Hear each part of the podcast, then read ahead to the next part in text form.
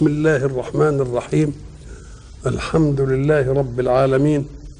والصلاة والسلام على أشرف المرسلين وخاتم النبيين ورحمة الله للعالمين سيدنا محمد وعلى آله وصحبه أجمعين. وبعد فقد وقفنا في اللقاء السابق عند قول الله سبحانه أعوذ بالله من الشيطان الرجيم. أم اتخذوا من دون الله شفعاء؟ قل أولو كانوا لا يملكون شيئا ولا يعقلون؟ قل لله الشفاعة جميعا له ملك السماوات والأرض ثم إليه ترجعون. استهلت الآية بقوله سبحانه أم اتخذوا من دون الله شفعاء؟ إيه اللي معطوف عليها عشان نقول أم اتخذوا؟ أكان ذلك أم اتخذوا؟ جاءت بعد قوله الله يتوفى الأنفس. فإذا كنتم قد ودعتم بقوة حياتكم وقدرتكم على الحركة والأسباب والتحول فاعلموا أن الله يعطي لكم نموذجا للموت الذي ينتظركم. هذا الموت وأنتم في يقظة شيء وحين تموتون شيء تنامون شيء آخر. فالذي يقدر على سلب الحياة من التميز والوعي والحركة مع الخارج قادر على أن يسلبها جميعا. فهو يتوفى الأنفس حين إيه؟ موتها والتي لم تمت في منامها فيمسك التي قضى عليها الموت ويرسل الأخرى. فما قدر على إمساك وأنت يقظان وأنت حي يقدر على أن يقبض من نفسك التميز والانفعال والحركة مع الغير أما الحركة في ذاتك فباقية بقاء الحياة فيك أن برضو القلب بيدور والتنفس بيشتغل والأمعاء بتشتغل كل دي اسمها أفعال في ذاتك. إنما الأفعال اللي في غيرك هي اللي ممنوعة. فإذا كان الله قد قدر على هذه الجزئيات فيك يبقى يقدر على الأخرى ويذهبها إيه؟ انتهى يبقى أنتم أأمنتم ذلك؟ طب وإن لم تأمنوه هتموتوا وتلقوا الله. يبقوا اتخذتوا شفعاء بقى. يعني حصل هذا أم اتخذتم إيه؟ أم اتخذتم شفعاء؟ اللي طمئنكم لكم رصيد من اتخاذ الإيه؟ الشفعاء. إحنا قلنا الشفيع ده يعني يضم شيئا إلى شيء عشان يبقى زوج. بعد ما كان لوحده بقى فيه واحد إيه؟ شفع يعني جه واحد وياه فقال لهم الحكاية الشفاعة دي إحنا ننهيها. الذين تدعون من دون الله لا يملكون أن يشفعوا. وإن ملكوا كما تدعون الملائكة وتدعوا اللي اتخذتموهم زي عزير وزي عيسى وعلى آخره إن قدروا برضه ما يرضوش. ليه؟ إن كانوا من الجمادات فهم على كره لكم. لأن الجمادات مسبحة لربها. فهي تتأبى عليكم وتكرهكم وإن كنتم تنتفعون بها. ليه؟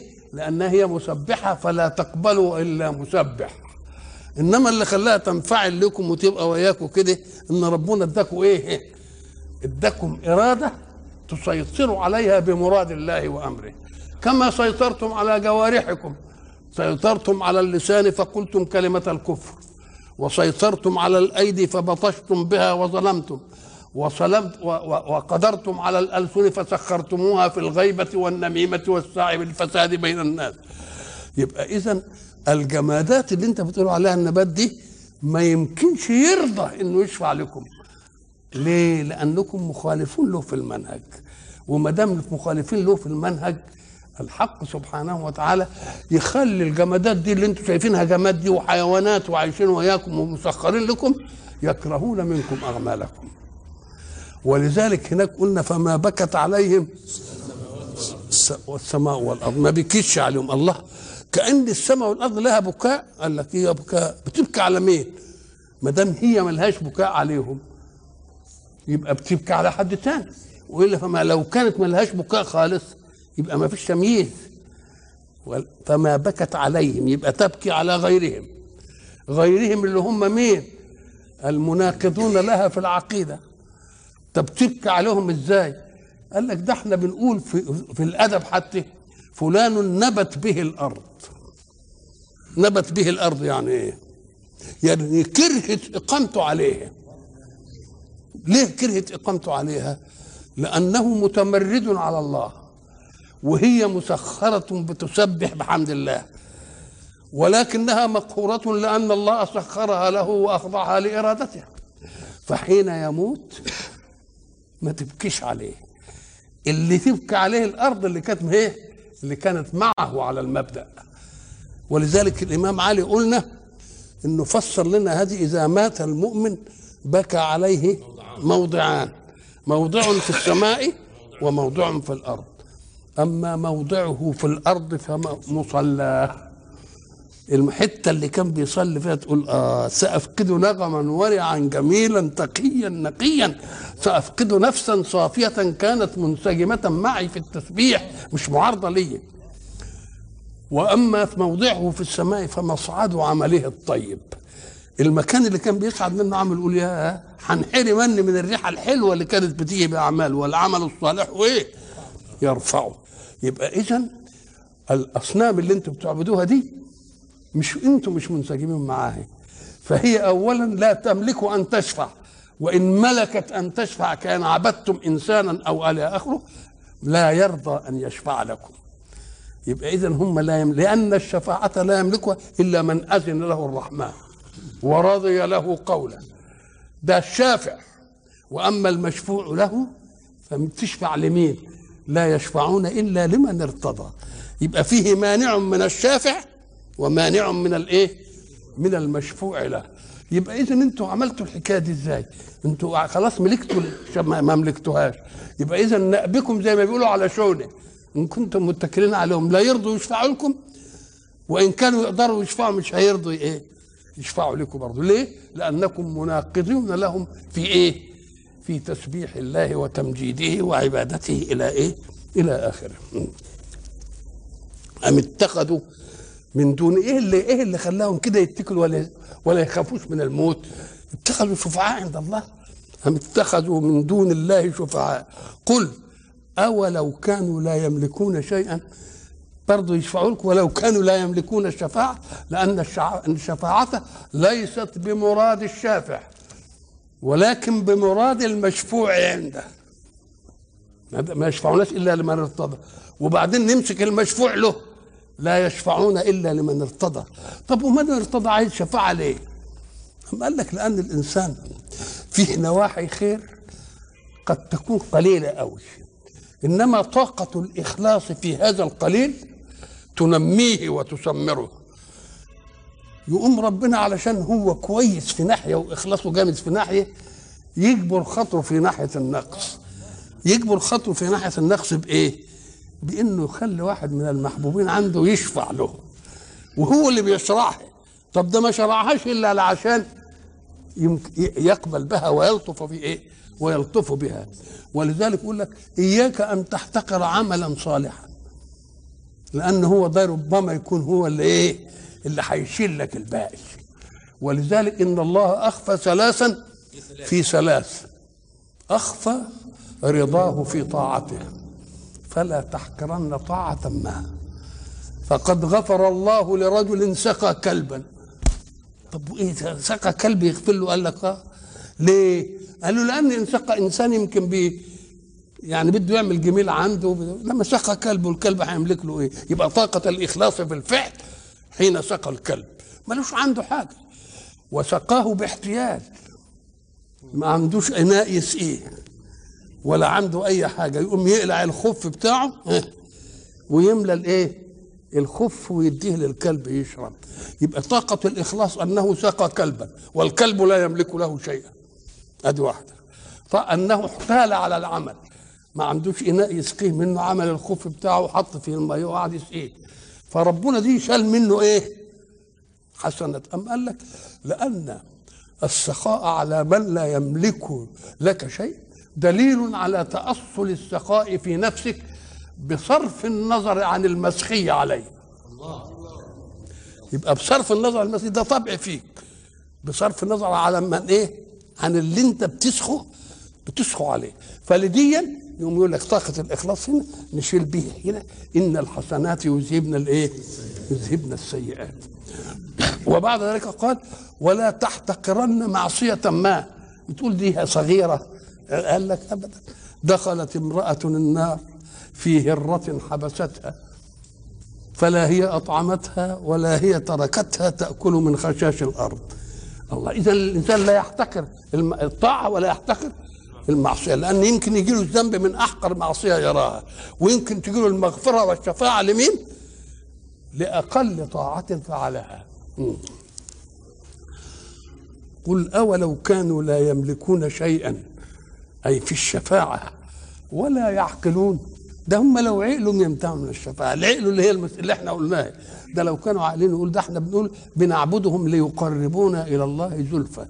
يبقى حتى ما عبدناهم المراد مش هم المراد مين؟ المراد الله. هم اتمحكوا في مين؟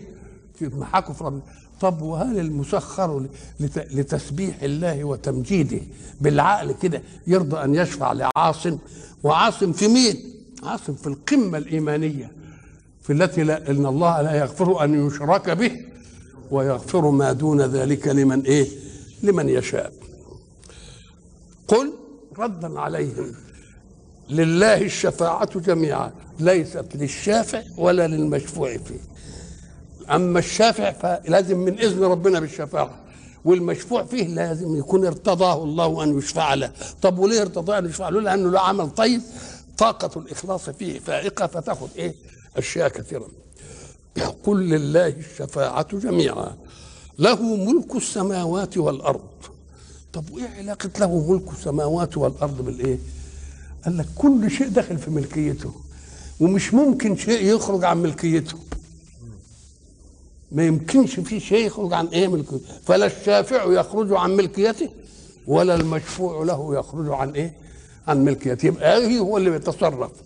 له ملك السماوات والأرض ثم إليه ترجعون. اللي متكبر عن منهجي سيرجع إليه. ولذلك قال ووجد الله عنده. وجد الله عنده يعني اللي فوجئ بأن في إله وما كانش مؤمن بذلك الإله. ولا يقدرش يرجع للدين عشان يستأنف توبة ولا يستأنف إيمان ولا يعمل أي حاجة. وإذا ذكر الله وحده اشمأزت قلوب الذين لا يؤمنون بالآخرة. الله اشمأزت قلنا نفرت وتقبضت وبقت لها قشعريرة كئيبة. ليه؟ لو لم يكونوا يعلمون أن الله الذي إذا ذكر اشمأزت نفوسهم يملك لهم ضرا ما كانش ويزعلوا ما يذكر. طب هيعمل لي إيه؟ إنما ساعة ما يذكر يتذكرون جلال قدرته. وقوة عظمته وأنهم مقبلون عليه ولا مفر من ذلك ثم وهم ما عملوش للموقف ده يوم يعملوا إيه نفسهم تنقبض لكن بقى لما يذكر الجماعة اللي بيعبدوهم هم تقوم تستبشر انفسهم أكن دي شهادة للإيه؟ للحق اللي هم هيشفعوا لنا. نقول له خايبين في دي وخايبين إيه؟ وخايبين في دي. وإذا ذكر الله وحده اشمأزت قلوب الذين لا يؤمنون بالآخرة. وإذا ذكر الذين من دونه إذا هم يستبشرون. لأنهم بيقول لك فاهمين إنهم حي إيه؟ إنهم هيشفعوا إيه؟ هيشفعوا لهم. قل اللهم فاطر السماوات والأرض عالم الغيب والشهادة. أنت تحكم بين عبادك فيما كانوا فيه يختلفون. أمر من الله لرسوله. بعد ما عمل وعد بعمل الخير وعمل وعيد عشان الجماعة اللي بيعملوا شر واستوفى الأمرين مع الاثنين قال له بقى أنت ليس لك إلا أن تلتجئ إلى الله عشان يحكم بينك وبين هؤلاء. لأن أنت استنفذت كل إيه؟ دعوة حسنة وبلاغ جميل والى آخره. بعدين ما تزعلش لأن أنت تحكم تقول لربنا احكم بيننا. وأنت لا تحكم إلا بالإيه؟ الحق. وأنا واثق أنك ما دمت اخترتني لرسالة إنك أنت هتن إيه؟ إنك أنت هتنصرني. ولذلك هيقول له في آية أخرى إحنا هنوريك فيهم اللي ما شفتوش. فإما نرينك الذي وعدنا. إيه؟ بعض الذي نعدهم بعض الذي نعدهم أو نتوفينك فإلينا المصير. تشوفه بعدين أنت بعينك كده في يوم القيامة. أو نوريك اللي هيحصل إيه. وبعدين وراه ولا ما وراهش. اولم يروا أننا نأتي الأرض ننقصها من أطرافها. ننقص الأرض من أطرافها يعني إيه؟ فيه أرض اسمها أرض كفر. وأرض إيمان لسه بننشأها. يقوم كل يوم أرض الإيمان تزيد شوية. وأرض الكفر إيه؟ تنقص. يبقى كان يجب أن يأخذوا لهم عبرة من أن أرض محمد في اتساع دائم وأرضهم في نقصان دائم. كان ياخدوا من دي عبرة بان دعوة محمد هتتم أولم يروا شوفوا بعينهم أننا نأتي الأرض ان نأتي الأرض ننقصها من أطرافها. يعني أرض الكفر ننقصها من الإيه؟ طب ولما ننقص الأرض من أطرافها؟ أرضهم ننقصها يبقى نوديها فين؟ تبقى نوديها للإيمان يبقى دي تتسع ودي إيه؟ ودي تنكمش يبقى ده دليل ولا مش دليل؟ طيب كل يوم أنتوا بتعادوه وكل يوم يزداد إيه؟ انتصار كان بيجي له الفقراء والغلابة والموالي وبعدين جاله الصناديد جاله الأعيان الله اذا كان يجب أن تفهموا أن أمرهم سيتم يريدون ليطفئوا نور الله بأفواههم ويأبى الله إلا أن يتم نوره فبيقول له إيه؟ قل اللهم فاطر السماوات والأرض. سيدنا سعيد بن المسيب يقول لك لا أجد آية في القرآن أرجى للداعي من قول الله سبحانه قل اللهم فاطر السماوات والأرض عالم الغيب والشهادة أنت تحكم بين. ناداه باللهم فاطر السماوات والأرض. الله يعلم رسوله. إزاي يدعي علشان المسألة بتاعته قال لك وما علمه الله أن يدعو إلا لسبقه في القدر أن يجيب. إلا هيعلمه يدعو ولا مش معقول. فقال لك ما دام الحكاية دي كده هناخدها بقى. كل ما نحب نقول حاجة اللهم فاطر السماوات والأرض. آه يبقى سيد سعيد خدها منين؟ قال لك الذي علمه أن يدعو دعاء كان يترك ويدعو من عنده. قال لك لا ده هو اللي علمه الدعاء. وما دام هو اللي علمه الدعاء يبقى لازم كاتب له الايه؟ القبول. زي اللي اداله المفتاح. هو اللي اداله الايه؟ مش راح جاب طفاشه لا اداله المفتاح. قل اللهم فاطر السماوات والأرض عالم الغيب والشهادة أنت تحكم بين عبادك. فيما كان ده المرجع الايه؟ المرجع النهائي الايه الأخير. ولذلك هم ينتظرون يقول لك يوم الفتح. إيه هات لنا يوم الفتح دي. قال له قل يوم الفتح لا ينفع الذين كفروا. إيه؟ آه قال لهم أنتم تنتظروه ما هو بيقول له إيه ائتنا بما تعدنا إن كنت من الصادقين. ده استهزاء ولا إيه؟ طب ده أنتوا لو جالكم مش هتقدروا إيه ترجعوا ثاني عشان تجددوا إيمان. هنا بقى في الأسلوب الأدائي البياني عظمة الدعاء.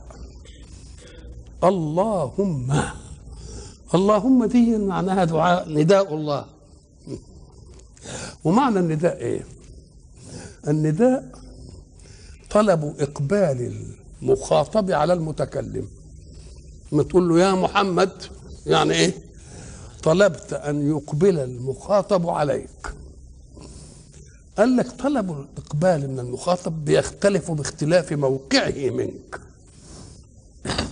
فإن كان قريب موضوع له همزة. تقول له أه محمد. كل حرف واحد. وإن كان بعيد شوية كده تقول له يا محمد. وان كان بعيد قوي تقول له أه يا محمد. الله. إذا حرف النداء نفسه بيحدد موقع المدعو. طيب. إذا القرب والبعد له أثر في حرف الدعاء وطلب الإقبال. طب تقول اللي بيقول يا الله هل الله بعيد عنه أم أقرب إليه من حبل الوريد؟ اقرب إليه من حبل الوريد. يبقى ما يصحش إننا نقول يا الله. آه الله. أيا الله. لأن دي مراتب البعد والله قريب منك. مش عايز مش عايز الحكاية دي. ولذلك لا تجد في القرآن لفظ الله منادى أبدا. فلما أراد الحق أن يعلمنا نضاء لفظ الله قال اوعى تحط حرف الندى لأن حرف الندى دي عشان طلبوا الإقبال وطلب الإقبال له بعد ومش عارف إيه ربنا ما عندوش الحكاية دي. طب أمال نعمل إيه يا رب؟ قل قل اللهم الله. ما هي اللهم يعني الله زي ده ميم مضاعفة. أم قال لك أهي الميم الأخرانية دي هي بدل حرف الندى فما جابش حرف الندى في الأول وقال يا الله. إنما ما حب يجعلها برضو زله الطلب منك. فجعل لها عوض بس في الآخر. جعل لها عوض بس فين؟ في الآخر. لا إيه؟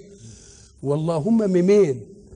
أم قال لك توسط بين دعاء القريب بهاء ودعاء البعيد بهاء بآية. فجاب اللي على حرفين بس. بس خلاهم فين؟ ولذلك لما نيجي نستقرأ نجد كلمة الله بالرفع موجودة 980 مرة في القرآن. ما فيهاش دعاء إلا باللهم بس.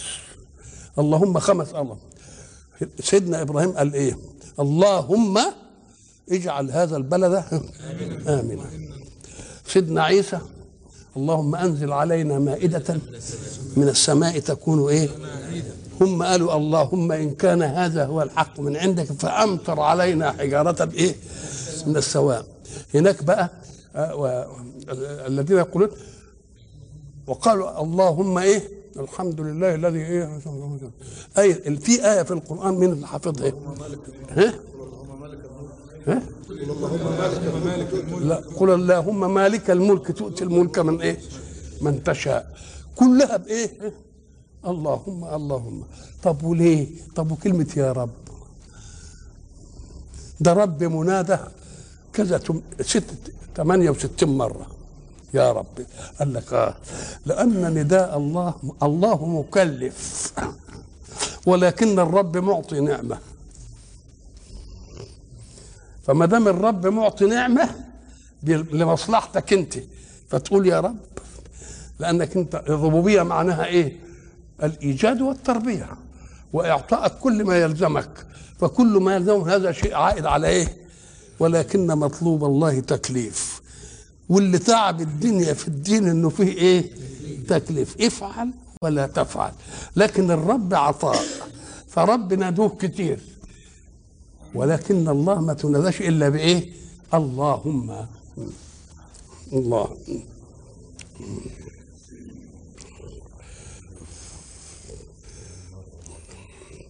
هناك الآية بتاع إيه آخر؟ سبحانك اللهم وتحيتهم فيها سلام. هذه الخمسة بقى. الله. قل اللهم فاطر السماء. وكلمة فاطر إيجاد شيء معدوم على غير مثال سبق. فإن كان أوجدت شيء على مثال سبق ما يبقاش فاطر. يبقى لازم يكون إيجاد شيء معدوم على غير إيه؟ على غير مثال. غير المثال ما فيش حتى المحاكاة. يعني أمر ابتكاري جديد كده ما حدش فاطر السماوات والأرض. وش معنى السماوات والأرض؟ لأن هي الكائن الذي لا يغيب عن الإنسان. أرضا تقله وسماء تظله. إنما في نعم كتير يمكن دي ما تشتيش دلوقتي. مثلا يمكن الهواء ينكتم عني شوية إنما دي ما يمكنش أتخلى عنها لأنها إيه؟ فوقي وإيه؟ وفوقي وتحتي قل اللهم فاطر السماوات والأرض عالم الغيب والشهادة. الله طب ما أنا عالم الغيب. يقوم يقول الشهادة كمان. طب ده الشهادة معروفة للناس حتى. قال لك قدم الغيب والعالم الغيب. سهل. إنما عالم الشهادة طب ما إحنا نعلم الإيه؟ قال لك لا لأن الله غيب. يمكن أنت تفهم إنه غيب زي ما يكون أنت في بيته قاعد في البيت ومحجوب عن الكون الخارجي. يمكن يقول لك انت عارف اللي في البيت لأنه غيب إنما اللي بره ما انتش عارفه. فقال لك لا عالم الغيب عنكم والمشهود لكم أيضا. نعم. أنت تحكم النتيجة بقى ما دام إيه؟ فاطر السماء والأرض. وتعلم الغيب والشهادة فحكمك هيجي على عدالة الإيه؟ على الإيه؟ على عدالة الحكم. أنت تحكم بين عبادك فيما كانوا فيه يختلفون. وما دام تحكم بين عبادك طب ده كلمة عباد دي ما بتستعملش إلا في الطائعين الملتزمين بالمنهج بدليل هناك وعباد الرحمن الذين إيه؟ يمشون على الأرض هونا وإذا خاطبهم الجاهلون. طب وما دام هم عباد كده هيبقى حكم بينهم وبين مين؟ أم قال لك ما هم الاثنين هذان خصمان اختصموا في إيه؟ في ربهم. هيحكم بين المؤمنين وبين الإيه؟ وبين الكفار. يبقى دول ده قال له طيب إيه دي عباد معقولة في المؤمنين؟ طب والطائف؟ قال لك لأن الإنسان له وضعان بالنسبة لربه. وضع لله فيه خلق اختيار في العبد. جعل له قوة اختيار أن يفعل حتى ما لا يريده الله منه. كونا ولكن فيه أشياء الإنسان قد يتمرد عليها وأشياء يتمرد على الإيمان بالإله الواحد. جايز ولا مش جايز؟ جايز. طيب ويتمرد على الطاعة ما يطيعش. يبقى له ألفة بالتمرد على على الله وعلى أحكامه. ما دام له ألفة بالتمرد على أحكام الله لماذا لا يتع... لا ي... لا يعترض على أشياء لم تدخل في اختياره؟ هو ربنا عايز يمرضه. ما دام أنت متعود تتمرد على مطلوبات الله ما كنت تتمرد على مين؟ على المرض. وتقول طب مانيش عيان. ما بتقدرش. طب ما كنت تتمرد عليه لما الموت تتمرد على الفقر لما يجي. اذا ففيه أشياء أنت محكوم فيها بالعبودية قهرا. فأنت ما بتخرجش عن العبودية. إنما أنت تخرج في المختار. المؤمن جعل المختار فيه مراد الله. وما دام مراد الله تبقى العبودية ماشية على كل إيه؟ على كل حاجة. لكن الثاني فيه أمور له فيها اختيار هو ده اللي كفر فيه. والأمور اللي ما فيهاش اختيار. يبقى لما نقول عباد على الكافرين يبقى لأن فيه شك في تصرفهم لا يتأبون فيه على الله اللي هي القهريات. ولذلك إحنا قلنا سابقا إن كلمة عباد جت في الآخرة. أأنتم أضللتم عبادي هؤلاء؟ يبقى ختام للضالين. يبقى عبادي ما تقولش بس للصالحين. أم قال لك لأن أصل في القيامة كله خاضع. ما فيش حد متأبي على الإيه؟ متأبي على الله يبقى كلهم إيه عباد وعبيد لكن في الآخرة كل في ال- في الدنيا كلهم عبيد وبعضهم عباد.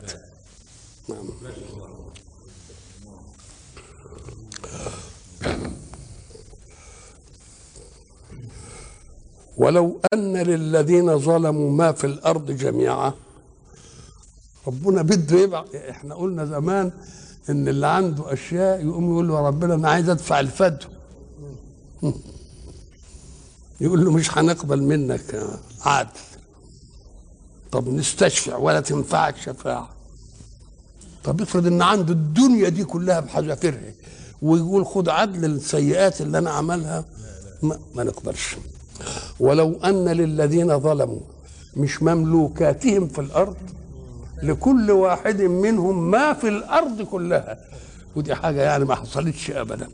وعشان يفتدي به من عذاب الله لم ما يمكنش. ولو أن للذين ظلموا ما في الأرض جميعا ومش بس كده ومثله معه. بقى اللي في الأرض جميعا وإيه كمان؟ ومثله مع عشان يعملوا إيه؟ عشان يفدوا نفسهم من سوء العذاب ما كان ذلك مقبولا عند الإيه؟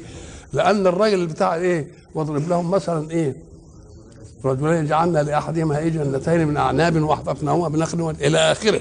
وبعدين وما أظن أن تبيد هذه ابدا. ولئن إيه؟ رجعت إلى ربي لأجدن خيرا منها منقلبا. مش ياخد مني في إيديه. ده يديني أكتر من الايه ولو أن للذين ظلموا ما في الأرض جميعا ومثله معه لافتدوا به من سوء العذاب يوم القيامة. ولذلك أنت تجد لما واحد يصاب بسوء مرض صعب ولا حاجة وهو غني يقول يا ريت مالي ده كله يروح وأرجع إلى عافيتي. يبقى اللي بده ينفد منه إيه؟ قبل أن يؤمل النعيم لازم يؤمل أن ينفد من الجحيم. لافتدوا به من سوء العذاب العذاب السيء يوم القيامة. وبدا لهم من الله ما لم يكونوا يحتسبون. في هم في الدنيا بقى حتى لو تخيلوا مش هيجدوا. تخيلهم يتسع إلى ما فين؟ إلى ما يأتي به الله إيه؟ ولذلك سيدنا محمد بن المنكدر قال هذه الآية خوفتني؟ لأني أخشى أنني لما مت يبدو لي ما لم أكن أحتسب. يعني ما كنتش أحسبه. يجيني حاجة ما أحتسبهاش. ولذلك في حاجات تقول لك ما هي في سيئات تنعمل كده وبعدين الواحد ينساها. يقوم يقول لك أحصاه الله ونسوه. يبقى ده بدا لهم سيئات. أو أنه عمل عملا وافتكر إنه حسن.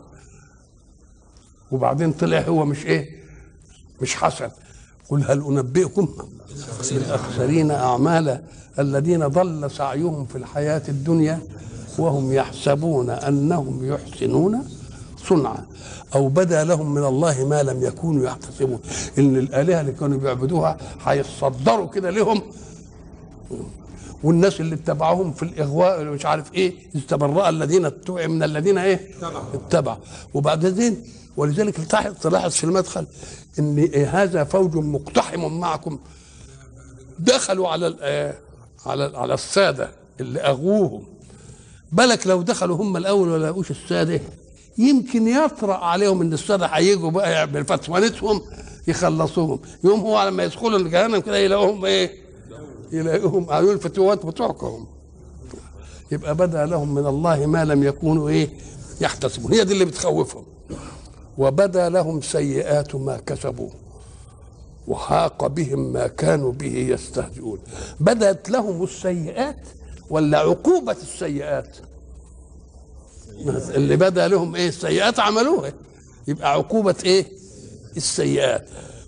لا قال لك هي برضه السيئات. قال لك لا ألم يقل الله وجزاء سيئة؟ سيئة مثلها لأن معنى السيئة هي إيه؟ الأمر الذي يسوء وما دام الأمر الذي يسوء كما ساء هو في العمل برضه يجي في الآخرة يعمل إيه؟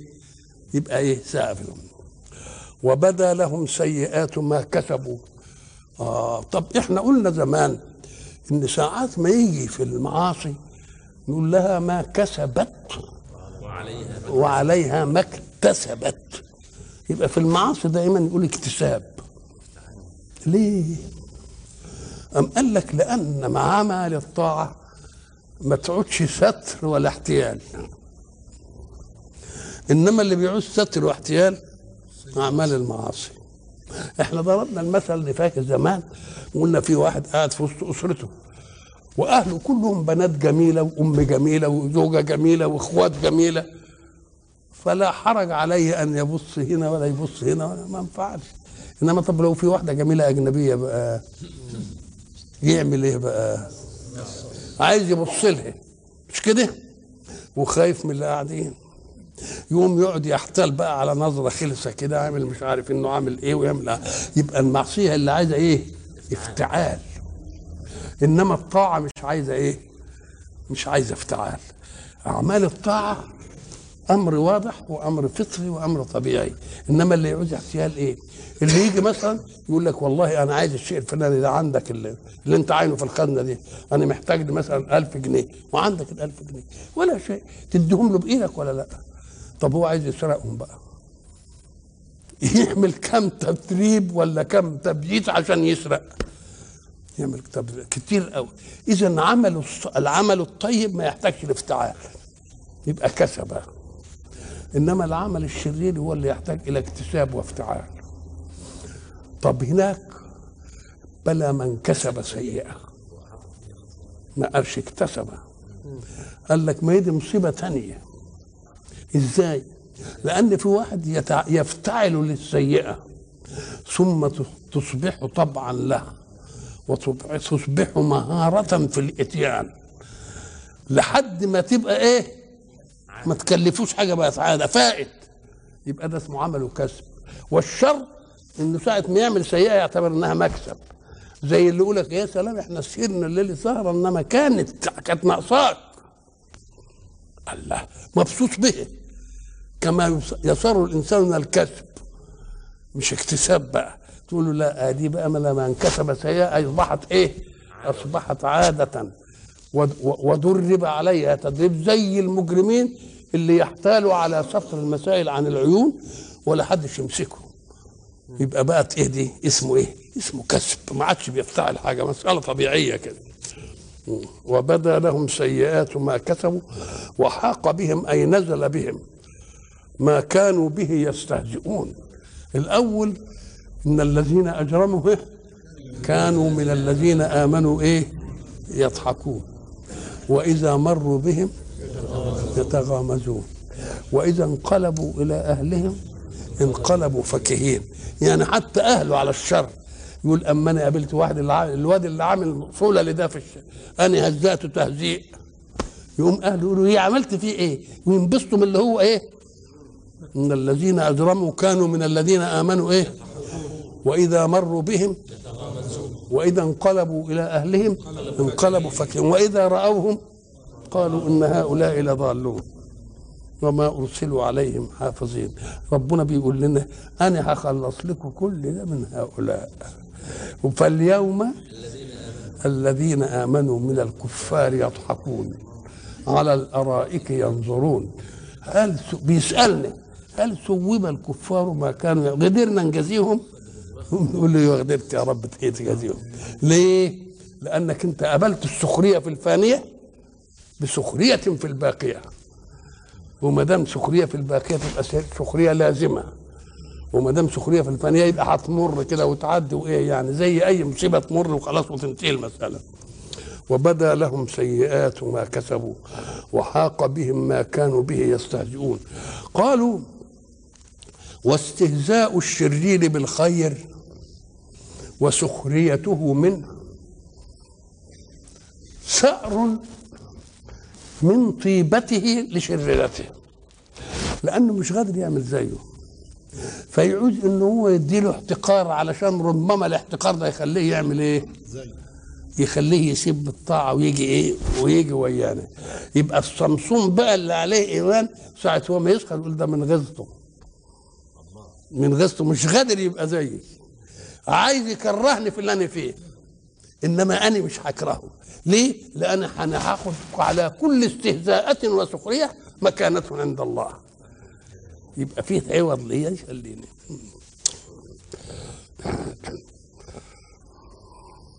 والذي يدل على أنهم اتخذهم من دون الله عباد. يعبدوهم ويقولوا نقربوا مش عارف إيه ولا يقربون إلى الله زلفى. الله. نقول له تعالى بقى. إذا ما جد لك في حياتك شيء فوق طاقة أسبابك. مش كان الأولى أنك أنت تروح باللي تعبدوهم تروح للأصنام ولا لمن؟ عشان يرفعوا عنك اللي ما أنتش قادر أسبابك عليه دي. إنما ما بنلاحظش دي منك أبدا.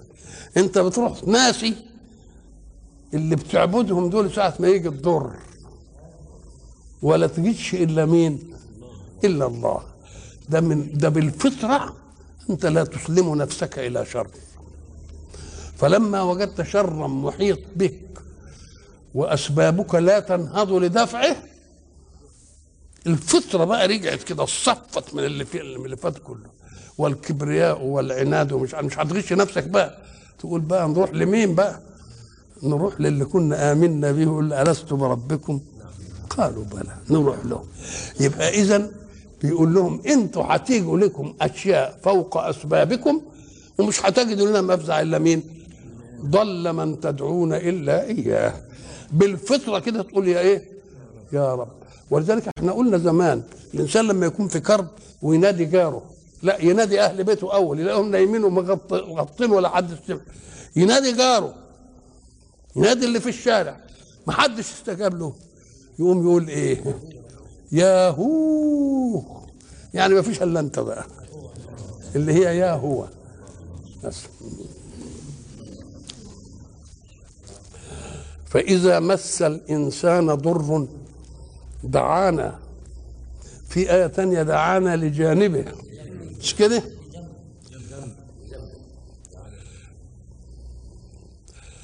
ثم إذا خولناه أي أعطيناه نعمة بعد هذا الضر على طول نسي من كان يدعو إليه نسيه ورجع مين لإيه؟